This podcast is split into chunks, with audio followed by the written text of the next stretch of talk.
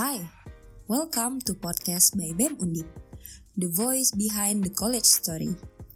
In this podcast, you're gonna enjoy the conversation about aspiration. Berdasarkan ketentuan hukum di Indonesia, berlakunya amicus curiae itu dapat diterapkan dengan menggunakan uh, dasar hukum dari pasal hmm. 5 Undang-Undang Kekuasaan Hakiman. Menjaga diri dari ketegangan itu itulah bagian dari menjaga diri tetap sehat mental. Innovation. Dengan mengikuti Deep Speak, kita akan diberikan wadah untuk melatih skill komunikasi kita dan nantinya dapat digunakan untuk mengkomunikasikan ide dan gagasan kita. Dari segi gimana sih caranya buat dapetin omset? Nah itulah yang harus kita cari dan kita temuin gitu kan dari dalam bentuk keuntungan. An inspirational story with an amazing speakers. Aku sambut dulu kepada Bu Nisa nih, dosen FKM kita. Uh, Pak Hans dari dosen Fakultas Psikologi Universitas Diponegoro, narasumber dari Mas Mbak FT Undip 2021. Halo Mas Juan, Mbak Audi and all about student affairs. Uh, perubahan yang didapat ataupun keuntungan dari organisasi ini sebelum kita mengikuti organisasi yang jelas sama-sama. Kita mulai belajar dan mencoba untuk berani. Dan itu benar-benar diajarin detail banget manajemen organisasi dan itu berguna banget buat aku sekarang juga gitu di BEM. Hearing this podcast will certainly lead you to add more insight about fascinating topics. So stick around and enjoy Dips.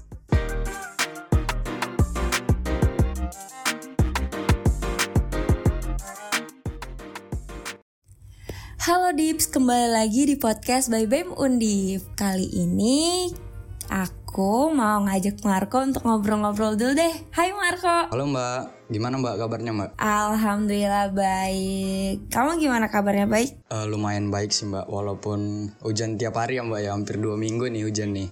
Lumayan baik, iya sih kok musim pancaroba. Dan kita baru kelar UTS Kalau aku baru kelar UTS nih. Kalau Marco gimana? Betul, nah kalau aku belum kelar UTS Mbak kelar UTS tanggal 19 Waduh, waduh. Ngeri banget. Gimana kok sejauh ini UTS-nya aman gak? Kalau dibilang aman Gimana ya mbak ya? Bingung juga sih mbak jawabnya aman atau enggak Soalnya jawabnya juga bingung kemarin Soalnya sulit-sulit. Apalagi kan pertama kali offline ya mbak ujian Yang sebelum-sebelumnya online gitu. Jadi kayaknya kurang aman sih mbak jawaban yang lebih tepatnya Iya ya benar benar benar. Jadi kan kita ini adalah bisa dibilang ujian offline pertama kita ya kok setelah kita uh, online gitu dan kalau aku ngerasanya sih selama ini sejauh aku ujian ujian online itu emang uh, lebih mudah gitu kan daripada uh, ujian offline gitu. Yang mana emang temen-temen di apa namanya teman-teman di perkuliahan juga pada keren-keren banget gitu ya. Jadi kayak kadang tuh ngerasa agak sedikit minder gitu. Ya betul betul. Kalau mbak nih gimana nih mbak? Pengalamannya untuk UTS offline amankah atau enggak? Oh kalau di kebetulan aku di ilmu komunikasi ya. Kalau di ilmu komunikasi itu kan kebanyakan rata-rata UTS-nya uh, take home gitu. Yang mana sebenarnya tuh sama aja sih jatuhnya. Jadi kayak emang ngerjainnya di rumah kan. Uh, jadi pas uh, di hari hujan itu cuman ngumpulin tugasnya doang gitu kebanyakan. Tapi tetap sih tetap uh, masih ngerasa uh, sedikit kurang apa ya kurang aman gitu. Soalnya ya uh, melihat sekarang tuh teman-teman di perkuliahan aku tuh udah pada kelihatan gitu kan uh, apa namanya keaktifkan ke keaktifan mereka di kelas pintaran mereka gitu. Yang mana kadang-kadang tuh buat aku insecure gitu loh kak. Kejadiannya mirip juga sih mbak sama aku. Soalnya pada aktif-aktif semua gitu ya mbak ya. Iya bener banget. Apalagi emang kalau yang aku lihat ya uh, di usia kita sekarang ini itu uh, soal masalah insecure udah jadi bahan obrolan yang apa ya yang sering banget lah dibicarain gitu. Soalnya kita kayak pasti sering banget tuh ngerasa insecure sama teman kita sendiri. Uh, terus ada lagi nih kok bahasa quarter life crisis pernah denger gak kok? Oh pernah dengar sih mbak nah berhubung tadi kita bicara tentang insecure insecure gitu mbak nah di episode kali ini kita akan membahas tentang uh, bagaimana sih untuk menangani insecure ataupun uh, gimana sih ntar keadaan kondisi remaja di perkuliahan zaman zaman sekarang gitu mbak Oke, kali ini kita ngobrolnya pasti nggak berdua dong kok. Betul, kali ini kita ditemanin oleh narasumber kita Mbak Devina Angling Dharma. Halo Mbak, gimana nih Mbak? Halo, Kak Marco, Devina. halo Ila. Sehat-sehat. Saya juga habis UTS ya, ujian tengah seumur hidup. Oh iya, ya. ujian mulu ya kak. Ujiannya nggak habis-habis ya kak Dev ya. Ujian terus kalau udah selesai kuliah tuh. Ujian hidup. Oke, halo Kak Devina, teman-teman nih mungkin yang kalau kalau yang belum tahu Kak Devina ini berasal dari Yayasan Teman Saling Berbagi. Eh, itu yayasan yang eh, yang ada di tepatnya di Bandung ya. Kalau nggak salah ya Kak Dev. Iya betul. Ha-ha. Nah kali ini kita kolaborasi nih kak bareng YTSB atau Yayasan Teman Saling Berbagi untuk sharing-sharing ilmu. Oke, Kak Dev, hari ini kita tuh lagi ngomongin tadi soal eh, rasa percaya diri atau insecure Kak Dev. Oh gitu, menarik tuh topiknya. Hmm, kalau dari Kak Dev sendiri pernah nggak nih ngerasa insecure sam atau ngerasa nggak percaya diri dalam hidup? Oh iya namanya manusia kayaknya pernah ya kita ada momen-momen kayak gitu Di mana aku kayak misalnya udah angkat tangan mau jawab pertanyaan gitu Eh ternyata lupa. Terus jadi insecure. Terus mau ngasih Mau waktu itu apa ya? Mau ngasih nyanyi. Nah lomba nyanyi. Eh terus tiba-tiba insecure Aduh aku hafal gak ya? Aku ini gak ya? Eh beneran. Jadinya lupa semua liriknya di atas panggung. Itu juga pernah Jadi pernah insecure Oke, kayaknya emang semua orang pasti pernah ngerasakan yang namanya insecure gitu ya. Em, nah, eh, kalau menurut Kak Dev sendiri nih, eh, sekarang apakah eh, dari segi mental melemah dari segi mental karena semakin terkenalnya istilah insecure dan quarter life crisis itu gimana kak? sebenarnya kalau aku bilang bukannya mental kita melemah, cuman kalau fisik dan mental kita itu kan menyesuaikan dengan keadaan. Misal awal tahun 1900-an nih kita lagi perang. Jadi instingnya eh, buyut-buyut kita adalah kemarin tuh instingnya untuk survival. Jadi kita go go go terus. Nah, kalau sekarang kan zaman sebenarnya kita relatif damai. Jadi kalau ada masalah kita kagok. Nah, sebenarnya walau dengan kemajuan teknologi, kita taunya dunia itu, wah dunia itu lagi banyak masalah. Tapi sebenarnya emang dunia itu lagi dalam keadaan damai dan ilmu kedokteran pun semakin maju. Jadi dengan inovasi banyak inilah ada diagnosa mental health, kita makin tahu-tahu banyak problem sosial dari TV dan masalah kesehatan-kesehatan yang baru. Tapi tapi gini, um, I'll bite ya. Um, misal kita katakan kita uh, mentalnya melemah sebenarnya quarter life crisis itu valid di kalangan anak-anak muda sekarang. Kenapa? Eh, karena kalau misalnya cari kerja nih, misal cari kerja aja ya, memang lebih gampang. Nggak usah yang namanya ngirim-ngirim surat ke perusahaan-perusahaan, tinggal pakai aplikasi. Nah, tapi permintaan kriteria ini tambah tinggi. Dan saking gampangnya dengan satu klik di aplikasi, saingan pun tambah banyak. Ya nggak? Nah, ya kan? Belum lagi tuntutan dari orang tua dan orang-orang, ya jelas kita punya quarter life crisis, takut nggak sebanding pencapaiannya dengan teman-teman sebaya. Dan inilah yang mengakibatkan kita insecure dari segi pencapaian. Belum udah gitu ngelihat teman-teman nikah, tapi kita masih single. Terus orang-orang nanyain, iya kan? Kok umur segini belum punya pacar? Tuh lihat temen kamu si A, si B, si C. Nah, tanpa disadari itulah makanya kelihatan seperti mental kita melemah. Padahal memang tuntutan kita yang tambah besar. Eh, istilah kata insecure sama quarter quarter life crisis ini kan biasanya condong negatif gitu ya mbak ya. Tapi eh, insecure sama quarter life crisis ini perlu nggak di kehidupan kita sehari-hari gitu? Pasti itu mau nggak mau kita semua yang namanya ini nggak bisa dihindari dan pasti pernah dialamin sama seseorang. Kalau namanya insecurity ya. Kalau uh, quarter life crisis, aku nggak tahu kalian udah ngalamin atau enggak. Tapi ya just a little bit of a hint, you will. If you haven't, you will. Berarti terkadang perlu juga ya mbak eh, yang insecure ini sama quarter life crisis untuk menunjang motivasi juga mungkin ya mbak untuk kehidupan. Nah, iya perlu eh, soalnya gini, kalau misalnya quarter life crisis itu kita cuma bisa jalani dan menerima. Soalnya kan kita bukan Tuhan. Iya kan? Kita nggak bisa ngatur arah hidup itu pastinya ke mana. Dan yang quarter life crisis itu eh, di saat di mana pastinya ada discovery yang berasal dari kita bahagia atau joy, ada yang dari waktu berat di mana kita panggil itu quarter life crisis. Dan kadang yang bikin stres dan cobaan-cobaan itu ngebuat kita sadar kita potensinya di mana. Kita ngebuat kita makin tahu boundaries kita di mana atau pick me up kita kalau misalnya kita lagi down. Yang jelas kita jadi mengenal diri lebih baik. Memang prosesnya itu kalau misalnya mau dikatakan dalam bahasa kasarnya ya bikin stres tengah hidup tapi tapi ya memang kita harus melalui untuk yang namanya proses menjadi diri yang lebih baik. Pokoknya gini. Tapi kalau misalnya quarter life crisis ini yang penting gini. eh ini bakal cheesy banget, tapi yang jelas jangan berhenti bergerak. Kalau kayak quotes-nya Pak Nelson Mandela itu ya kalau kamu nggak bisa lari, kamu jalan. Kalau kamu nggak bisa jalan, kamu ngerangkak. Nah ngerangkak itulah yang termasuk istirahat strategis. Misal kita lagi lelah sama hidup dan kita tahu nih kita butuh istirahat. Jangan dipaksain untuk maju-maju terus tapi hasilnya nggak maksimal. Istirahat aja sebentar sampai kamu yakin bisa merangkak lagi dan pelan-pelan bisa berjalan lagi. Wow, iya benar-benar banget. Jadi emang eh, insecure itu bukannya perlu tapi memang biasanya emang bakalan kita laluin gitu, lewatin gitu. Jadi eh, gak masalah gitu ya. Walaupun sebenarnya insecure itu bikin diri kita nggak nyaman, tapi pada akhirnya eh, hal itu sebenarnya bisa jadi baik gitu. Tinggal cara kita gimana menyikapinya gitu ya kayak. Oke, nah pertanyaan selanjutnya nih Mbak. Nah, seberapa besar sih efek sosial media kepada terhadap kepercayaan diri seseorang gitu? Soalnya kan orang banyak tuh yang insecure karena melihat sosial media kayak yang teman-temannya yang seperti jalan-jalan terus gitu, pamer-pamer barang-barang yang mewah gitu.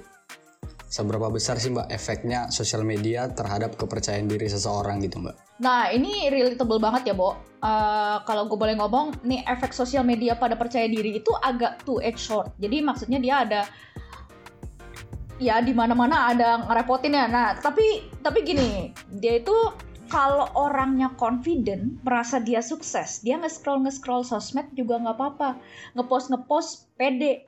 Nah untuk orang yang kurang pede, orang jadi minder. Lihat orang yang sukses. Eh, jadi kayak nggak bisa nikmatin hidup lah. Jadi agak stres mikir kok gue gini ya eh, segini-segini aja ya? Padahal umur gue udah segini ada yang bisa terpacu juga ada yang bisa terpuruk juga dari pemikiran kayak gini. Jenis orang kan beda-beda ya kayak jenis apa ikan cupang ada warnanya beda-beda manusia pun juga demikian. Bukan warnanya tapi ya warna juga sih. Tapi maksudnya dari perilaku cara pemikirannya. Kalau kita model tipikal orang yang gampang kebawa, mendingan kurangin pemakaian sosial media atau malah puasa sampai rasa nyaman atau pede sama diri kita sendiri. Nah, kalau misalnya sosial media ngebuat kamu marah sampai kamu pencapaiannya mau kayak role model kamu yang kamu pantengin di IG atau di FB atau eh boleh nyebut merek nggak sih? Udah udah terlanjur lah ya udah. Pantengin terus, marah aja sampai sukses. Jadikan pemacu biar bisa maju. Swear nggak bohong. Ah, em, tapi tergantung jatuhnya adalah diidentifikasi dulu kita masuknya ke orang yang bagian mana dan bagian orang yang mana pun kamu mau orangnya seperti apa itu tidak ada yang salah cuman masing-masing orang ada cara penyikapannya masing-masing untuk setiap situasi gitu Betul betul. Karena emang kalau yang aku lihat sih sebenarnya gendangnya ada dua ya Kak Dev. Kalau misalkan eh, ngelihat orang di sosial media antara itu bisa buat kita minder atau itu bisa kita jadiin motivasi gitu. Kalau aku pribadi biasanya aku tuh tipikal orang yang kalau ngelihat pencapaian orang eh, mungkin ada mindernya tapi 30% 70% nya itu aku termotivasi malah. Wah aku harus bisa kayak dia kalau bahkan bisa lebih dari dia gitu. Kalau Marco biasanya gimana kok menyikapinya? Eh, kalau aku kalau lihat orang gitu eh, kayaknya nggak ini sih mbak. Nggak pernah ngikut-ngikutan kayak cuek aja gitu mbak. Cuma kayak kesenangan mata doang gitu mbak.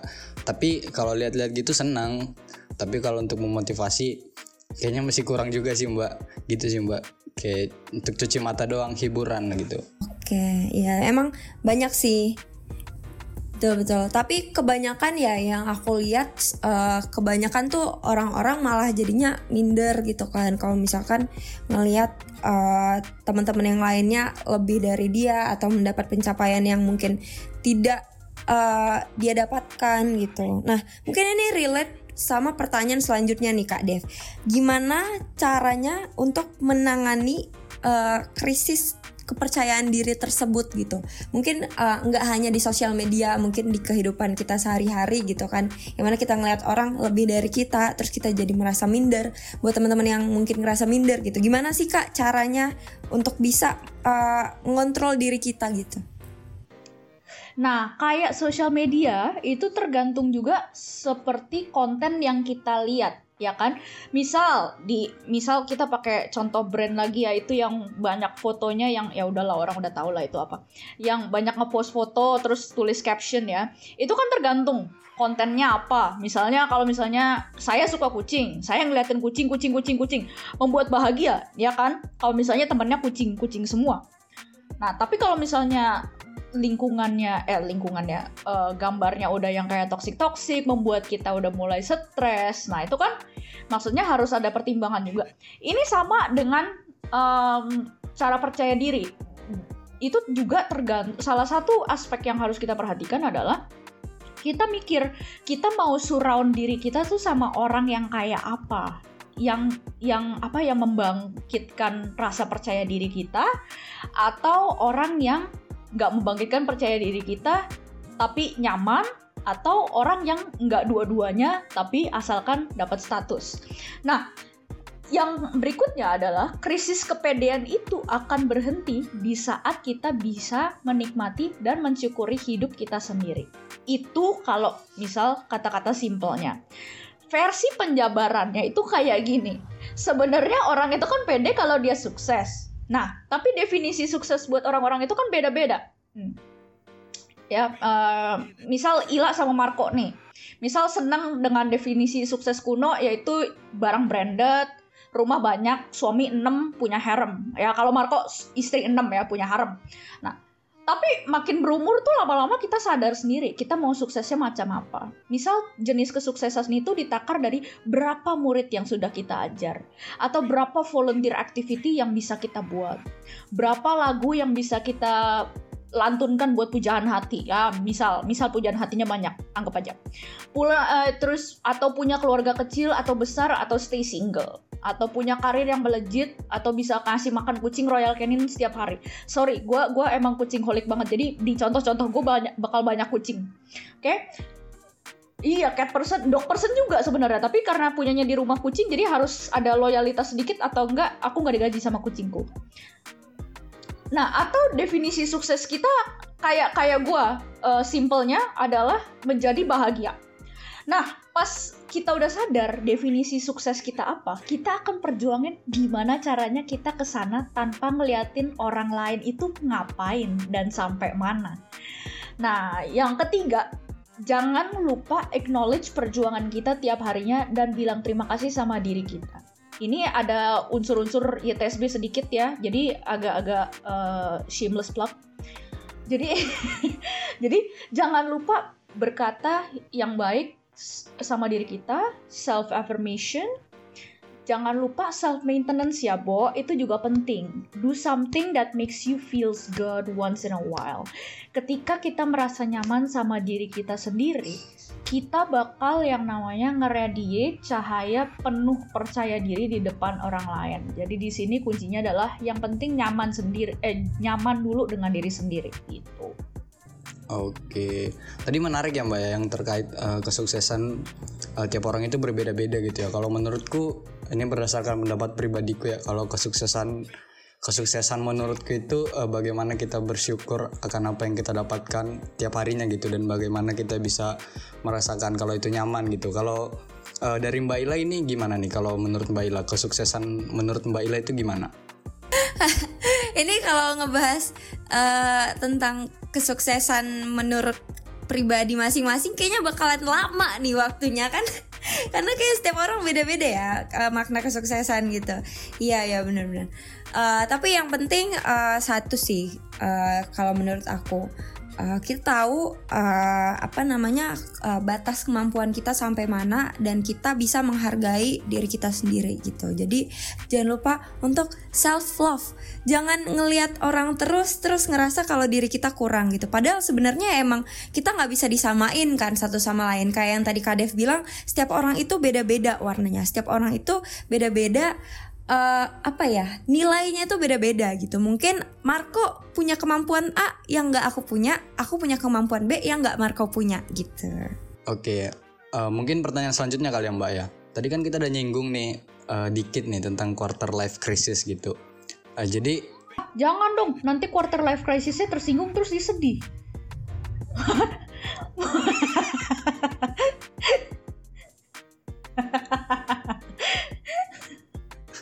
bukan gitu maksudnya mbak. Uh, kita udah ngobrol dikit lah gitu mbak ibaratnya. Mungkin uh, ya gitu. Nah mungkin kan daripada dips dips kalian ini ada nih yang udah memasukin masa quarter life crisis gitu. Nah menurut dari mbak Devina gimana sih cara menanggapin kondisi quarter life crisis itu mbak? Uh, ya quarter life crisis ya. Ya, jadi kalau misalnya dulu sih aku mikirnya yang dulu aku nyesel ya pas di universitas atau pas aku sekolah lah. Dulu aku kurang goal setting. Nah, aku mikir harusnya dulu tuh aku set goal buat diri aku sendiri terus aku fokusin ke situ. Nah tapi ya namanya anak muda kan masih bisa lah ya penasaran dengan banyak hal dan kadang interest kita sebagai manusia itu berubah-ubah. Nah ini yang tadi aku bilang sebagai uh, quarter life crisis itu emang namanya harus dihadepin. Ini yang kita sama sekali sebagai manusia nggak bisa ngelak. Karena nanti kegondahan, terus abis itu yang namanya godaan, wah kayaknya kerjaan ini lebih bagus ya, wah kerjaan ini. Belum terus nanti kita dengerin kata-kata orang lain, jadinya opininya tercampur baur. Nah itu itu banyak pelajaran yang harus dipetik dari situ dan itu yang akan membantu kita menemukan jati diri kita sebagai uh, manusia dewasa. Nah, terus um, misal kamu bingung, kamu banyak interest dan banyak obligasi. Nah, itu juga di saat quarter life crisis ini kamu belajar untuk ngimbangin, bukan kamu ya maksudnya kita semua belajar untuk ngimbangin. Misal nih uh, ada di antara kita yang kuliahnya kimia. Saya berusaha menahan untuk tidak menang menangis. Saya nggak kuliah kimia, cuman eh kenangan buruk masa SMA. Anyway, tapi senang, tapi at the same time this person itu juga senang nulis. Tapi at the same time dia juga harus kerja untuk bayar uang kos sama harus belajar buat keep dia punya nilai supaya tetap bagus. Oke, okay, nggak apa-apa kalau lagi sepi misal di toko kamu nulis-nulis perasaan atau imajinasi atau materi kuliah buat dibuat seru-seruan pakai gambar. Ya, siapa tahu bisa lulus kimia bisa jadi penulis, ya kan? Tapi pada intinya teman-teman, unfortunately, aku harus berkata kepada kalian, ini hal nggak bisa dihindari. Memang harus dihadapin. Dan pas saatnya ngehadapin, ya kayak tadi aku bilang, misal kamu nggak bisa lari, kamu jalan kalau kamu nggak bisa jalan, kamu ngerangkak. Itu yang jelas kamu keep going. Try your best. Oke, tadi uh, agak uh, aku agak bingung tentang ini sih Mbak. Maksudnya dari goal set gitu ya Mbak. Kalau Mbak dulu sewaktu masa kuliah nih, goal set Mbak itu gimana Mbak? Jadi dulu tuh aku kan mau jadi psikologi klinis. Uh, intinya, nah aku dulu pede banget tuh. Aku bilang sama orang tua aku, dulu aku ada goal setting sih aku aku set goal pokoknya aku mau jadi psikologi klinis lalala. nah terus aku bilang saya mau kuliah psikologi saya mau ini ini ini nanti pasti saya bisa gini gini. Orang tuaku mempercayakan kepadaku. Nah di psikologi itu tapi kan ternyata yang kita nggak tahu ada jurusan anak ada jurusan apa. Nah aku kok ini kan uh, lulusan luar. Aku nggak tahu kalau di Indonesia kayak gimana. Tapi mereka tuh kayak dibebasin gitu loh elektifnya kamu mau milih apa. Nah aku milihlah politik, aku milihlah classical arkeologi istilahnya uh, gitu ya. Jadi dua. Aku punya minor tuh dua.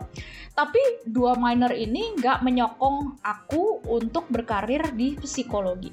Jadinya sekarang apa? Kerjanya jadi research assistant ekonomi. Kan beda banget. Nggak sesuai sama yang kuharapkan. Tapi menurutku tetap rewarding, maksudnya tetap ini, tapi mungkin kalau misalnya ada kesempatan lagi untuk aku jadi uh, anak psikologi klinis ya bolehlah dicoba lagi gitu. Nah itu aja sih yang kayak kadang-kadang aku masih agak-agak ya kepikiran gitu. Tapi kalau dibilang nyesel juga enggak karena aku belajar international relations sama belajar arke- arkeologi itu seru seru juga gitu. Jadi itu dua minorku. Oke, berarti um, ada background tadi ada ngomongin soal ini ya uh, pengalaman pribadi nih kalau yang aku lihat gitu.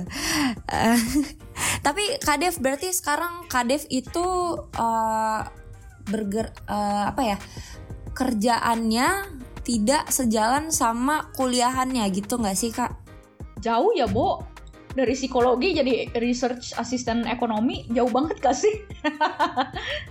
Uh, tapi um, sorry nih ya, uh, kalau itu jadi pernah ngerasa jadi uh, you failed on that psychology nggak sih atau gimana? Pernah nggak ngerasa kayak gitu? Oh ya pernah. Pertama kali aku keluar apa eh keluar bukan keluar apa lulus dari universitas itu kan pertama kali aku jadi customer service uh, buat salah satu uh, apa tuh uh, social media uh, giant ya dan itu rasanya itu kayak I failed myself because ketika aku lulus kuliah anggapanku seenggaknya aku bisa dapat internship di bidang psikologi. But I didn't. I got something else and it's completely far from uh, from what I want to do. Dan aslinya itu kayak uh, it's a it was a bitter pill to swallow itu kan kayak istilahnya kayak kok gue pencapaiannya cuma kayak gini doang? Gitu. Jadi uh, terus ya uh, uh, ya udah sih gitu. Oke oke. Okay, okay. uh, um, nah kalau kayak gitu hal kayak gitu tuh emang sering atau banyak kejadian gitu kan di realita manusia-manusia uh, yang sudah lulus kuliah gitu kan. Yang mana uh, kuliahnya A tapi kerjanya B gitu. Nah ini tuh uh, sebenarnya aku mau nyambungin ke pertanyaan kita yang terakhir nih soal uh, kegagalan gitu. Yang mana kadang tuh kegagalan itu setelah kegagalan muncul itu ada yang namanya keraguan untuk uh, melakukan hal lain lagi gitu aku juga sejujurnya uh, rada takut gitu karena gini banyak tuh kak Dev yang sebenarnya tuh uh, bilang gitu kan kayak uh, sorry ya gini. Tapi uh, menurutku ini salah sih persepsinya. Cuman ada yang bilang kayak ngapain kamu kuliahnya A tapi kerjanya B? gitu. Terus misalkan contoh aja gitu. Aku tuh anak IPA sebenarnya gitu kan. Tapi waktu kuliah aku kuliahnya IPS gitu yang mana itu ngambil uh, jalur orang lain dan uh, terkadang aku ngerasa aku fail di IPA aku gitu. Yang membuat aku emang harus pindah nih ke IPS yang bisa membuat aku nyaman gitu. Nah kadang aku tuh takut kalau misalkan uh, jatuhnya entar kalau aku setelah lulus kuliah aku sia-sia kayak waktu aku SMA gitu. Sebenarnya tuh uh, dibilang sia-sia nggak juga sia-sia tapi kayak lari jar dari jalur lagi gitu loh. Jadi kayak ada rasa keraguan gitu. Nah itu gimana kak Dev cara nanggapinya gitu? Cara kak Dev sekarang udah uh, bekerja dan melewati hal itu gitu kan uh, pertanyaan bagus ya Ila ya. Dan ini juga jujur gue bukan malaikat. Jadi pencarian diri gue tuh terhadap jawaban ini tuh juga rada-rada lama. Ada marah sama Tuhan lah marah sama diri sendiri. Wah kacau udah gue waktu itu.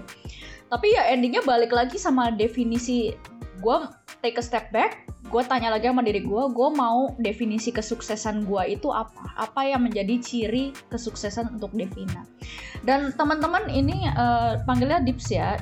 Teman-teman Dips dan uh, Marco dan Ila tolong diingat kalau gagal itu adalah hal yang wajar. Kalau lu sempurna lu either lagu atau lu Tuhan ya Shay jadi nih kalau kata teman aku tadi di kantor tuh gini dia ngomong gini kegagalan itu it means you tried. Dan kalau gagal ya ente coba lagi. There is no harm to keep trying gitu. Mending kita gagal daripada diam di tempat. Nah positifnya gagal itu kan kita jadi lebih hati-hati dan kita belajar untuk bangkit. Dulu aku gagal terus ya di sekolah ya jujur nih. I anak IPA kayak Ila juga. Eksak eksaktaku di bawah rata-rata terus. Dan aku melangkah aja terus berusaha semampuku sambil ku tulis itu di bawah kertas ulangan sebagai penyemangat. Rise a thousand times even if you fall one thousand times right? Udah nyemangatin diri sendiri nilai ningkat nggak? Enggak ya tapi ya tapi aku jadi nggak remuk-remuk amat dan I got used to failure. Uh, apa maksudnya? Not in a bad way that I grew accustomed to like apa oh ya udahlah nanti palingan usaha gue sia-sia. Gue tetap berusaha tapi ya kalau gagal gue oh ya udah nggak apa-apa. Gue tahu gue udah melakukan yang terbaik tapi memang nggak bisa ya udah. Yang penting Devina bangkit lagi. Sebenarnya biar pede itu gampang diucapkan tapi penerapannya susah nih kuncinya adalah menerima diri kita apa adanya dan jadilah teman untuk diri kita sendiri Nah, misal uh, Ila atau Marco sedih. Konsollah dirimu ketika kamu jatuh. Mungkin ada orang-orang deket di sisi kita yang nyemangatin kita nih. Tapi begitu mereka lagi nggak available karena kesibukan masing-masing, yang truly ada di sisi kita adalah diri kita sendiri. Jadi kita harus bisa berada di tim kita sendiri. Jadi ada tim Ila, ada tim Marco jangan karena orang di sekitar kita misal udah mikir kita itu failure, kita itu bodoh, kita malah ikut ngeledekin diri kita sendiri terus bilang I hate myself. Kenapa sih aku kayak gini? Bodoh banget. Instead, kita mikirnya, oh aku jatuh tuh gak apa-apa loh. Oke, langkah berikutnya kita ngapain nih? Atau, oh aku lupa, terus aku salah lagi. Hehe. Ya udah, yuk kita catat, mungkin jadi ingat. Atau mikir, nggak apa-apa aku tahu kok kamu belajar lebih lambat dari orang lain yang sabar ya masih ada hari esok yuk besok kita coba lagi sekarang bobo siang dulu buat riset nah yang terakhir itu pengalaman pribadi nah sebenarnya soalnya kan aku punya masalah konsentrasi dan masalah belajar yang sebenarnya yang tadi kita bahas itu bikin insecure, bikin minder. Ya nggak enak kan? Maksudnya anak-anak IPA kan kayak orang bilang kayak, wow anak pinter, anak whatever. Eh, tapi tapi buat gue itu dibilang pinter itu malah bikin deg-degan ya gak sih pernah pernah ngalamin kayak gitu ya nah iya betul karena kita tidak sepintar itu di IPA Exactly. Dan dan lu tau nggak rasanya tuh sakit tau dibilang kayak lu gagal mulu. Dan salahnya diulang-ulang. Padahal uh, bu gurunya ngomong ya bu guru atau pak gurunya ngomong padahal udah gua gua jelasin berulang-ulang masih salah. Terus ya aku sebagai murid ya sudah ku coba iseng apa inget-inget gitu iseng-iseng lagi inget-inget dan tapi emang benar gurunya gue isengin juga. Dan apa malu juga kan diketawain. Nah tapi lama-lama I embrace it. Lama-lama aku belajar ilmu menertawakan diri sendiri biar move onnya gampang gitu loh kalau mengalami yang namanya suatu yang down. Nanya kalau perlu. Lama-lama malah dikenal sebagai pelawak kalau di kalangan teman-teman. Selalu kalau orang nanya eh misalnya aku dulu pas kuliah ya aku nanya ya eh gimana nih? Serius nih? Karir yang cocok buat apa? Buat aku apa? Komedian jawabnya gitu nah jadi teman-teman uh, pelajarannya di sini adalah yang membantu aku adalah self compassion dan self affirmation again self plugnya YTSB banget ya seperti ini tuh bantu banget untuk ngebus rasa percaya diri dan resilience kalau dari pengalaman pribadi Akika. Aku, aku, Akika jelek banget, kurang keren. Gitu teman-teman. Nah jadi tadi Mbak Devina ini udah share-share gitu ya, gimana uh, cara ibaratnya ngasih saran lah gitu, gimana cara nanggapin insecure gitu terus um, menceritakan pengalaman pribadi juga terus bagaimana dia menanggapinya gitu. Nah, jadi sebelumnya kami mau berterima kasih nih kepada Mbak Devina udah mau ngeluangin waktu sama kolaborasi bareng uh, podcast by Bemondip. Tapi uh, sebelum kita akhiri mungkin ada closing statement dari Mbak Devina untuk para dips dips kalian uh, para dips-dips sekalian, siap-siap ya menghadapi quarter life crisis. Good luck. Enggak, bercanda-bercanda. Takut banget. Horor banget. Enggak, maksudnya uh, tetap semangat, tetap maju. Jangan kalau misalnya butuh istirahat, kamu tahu batasmu di mana, kamu istirahat, belajar berkata tidak kalau misalnya lagi pengen ngomong tidak dan eh, nggak uh, apa-apa banyak berdoa banyak saling support satu sama lain antara dips yang satu dengan dips lainnya kalian pasti bisa I believe in you. Oke, okay, kita pasti bisa. Amin, amin. amin, amin. Amin. Semoga tes lancar, amin. Oke, mungkin mungkin itu ya kok ya dari kita Dips uh, dan uh, kolaborasi bareng teman-teman dari YTSB ya teman saling berbagi. Uh, terima kasih banyak Dips semua yang udah nonton, yang udah nonton, yang udah dengerin. Makasih banyak Kak Dev udah hadir dan ngobrol-ngobrol sama kita di sini soal uh, kepercayaan diri. Sama-sama thank you Marco and Ila for having me. Yes, oke. Okay. Sampai jumpa teman-teman Dips semua di episode podcast selanjutnya. Dadah. Terima kasih banyak telah mendengarkan podcast by BEM Undip. Jangan lupa untuk follow, like, dan share biar bisa terus pantengin upcoming episode podcast by BEM Undip di Spotify dan Apple Podcast. Stick around and sampai jumpa di episode selanjutnya, Dips. Bye-bye.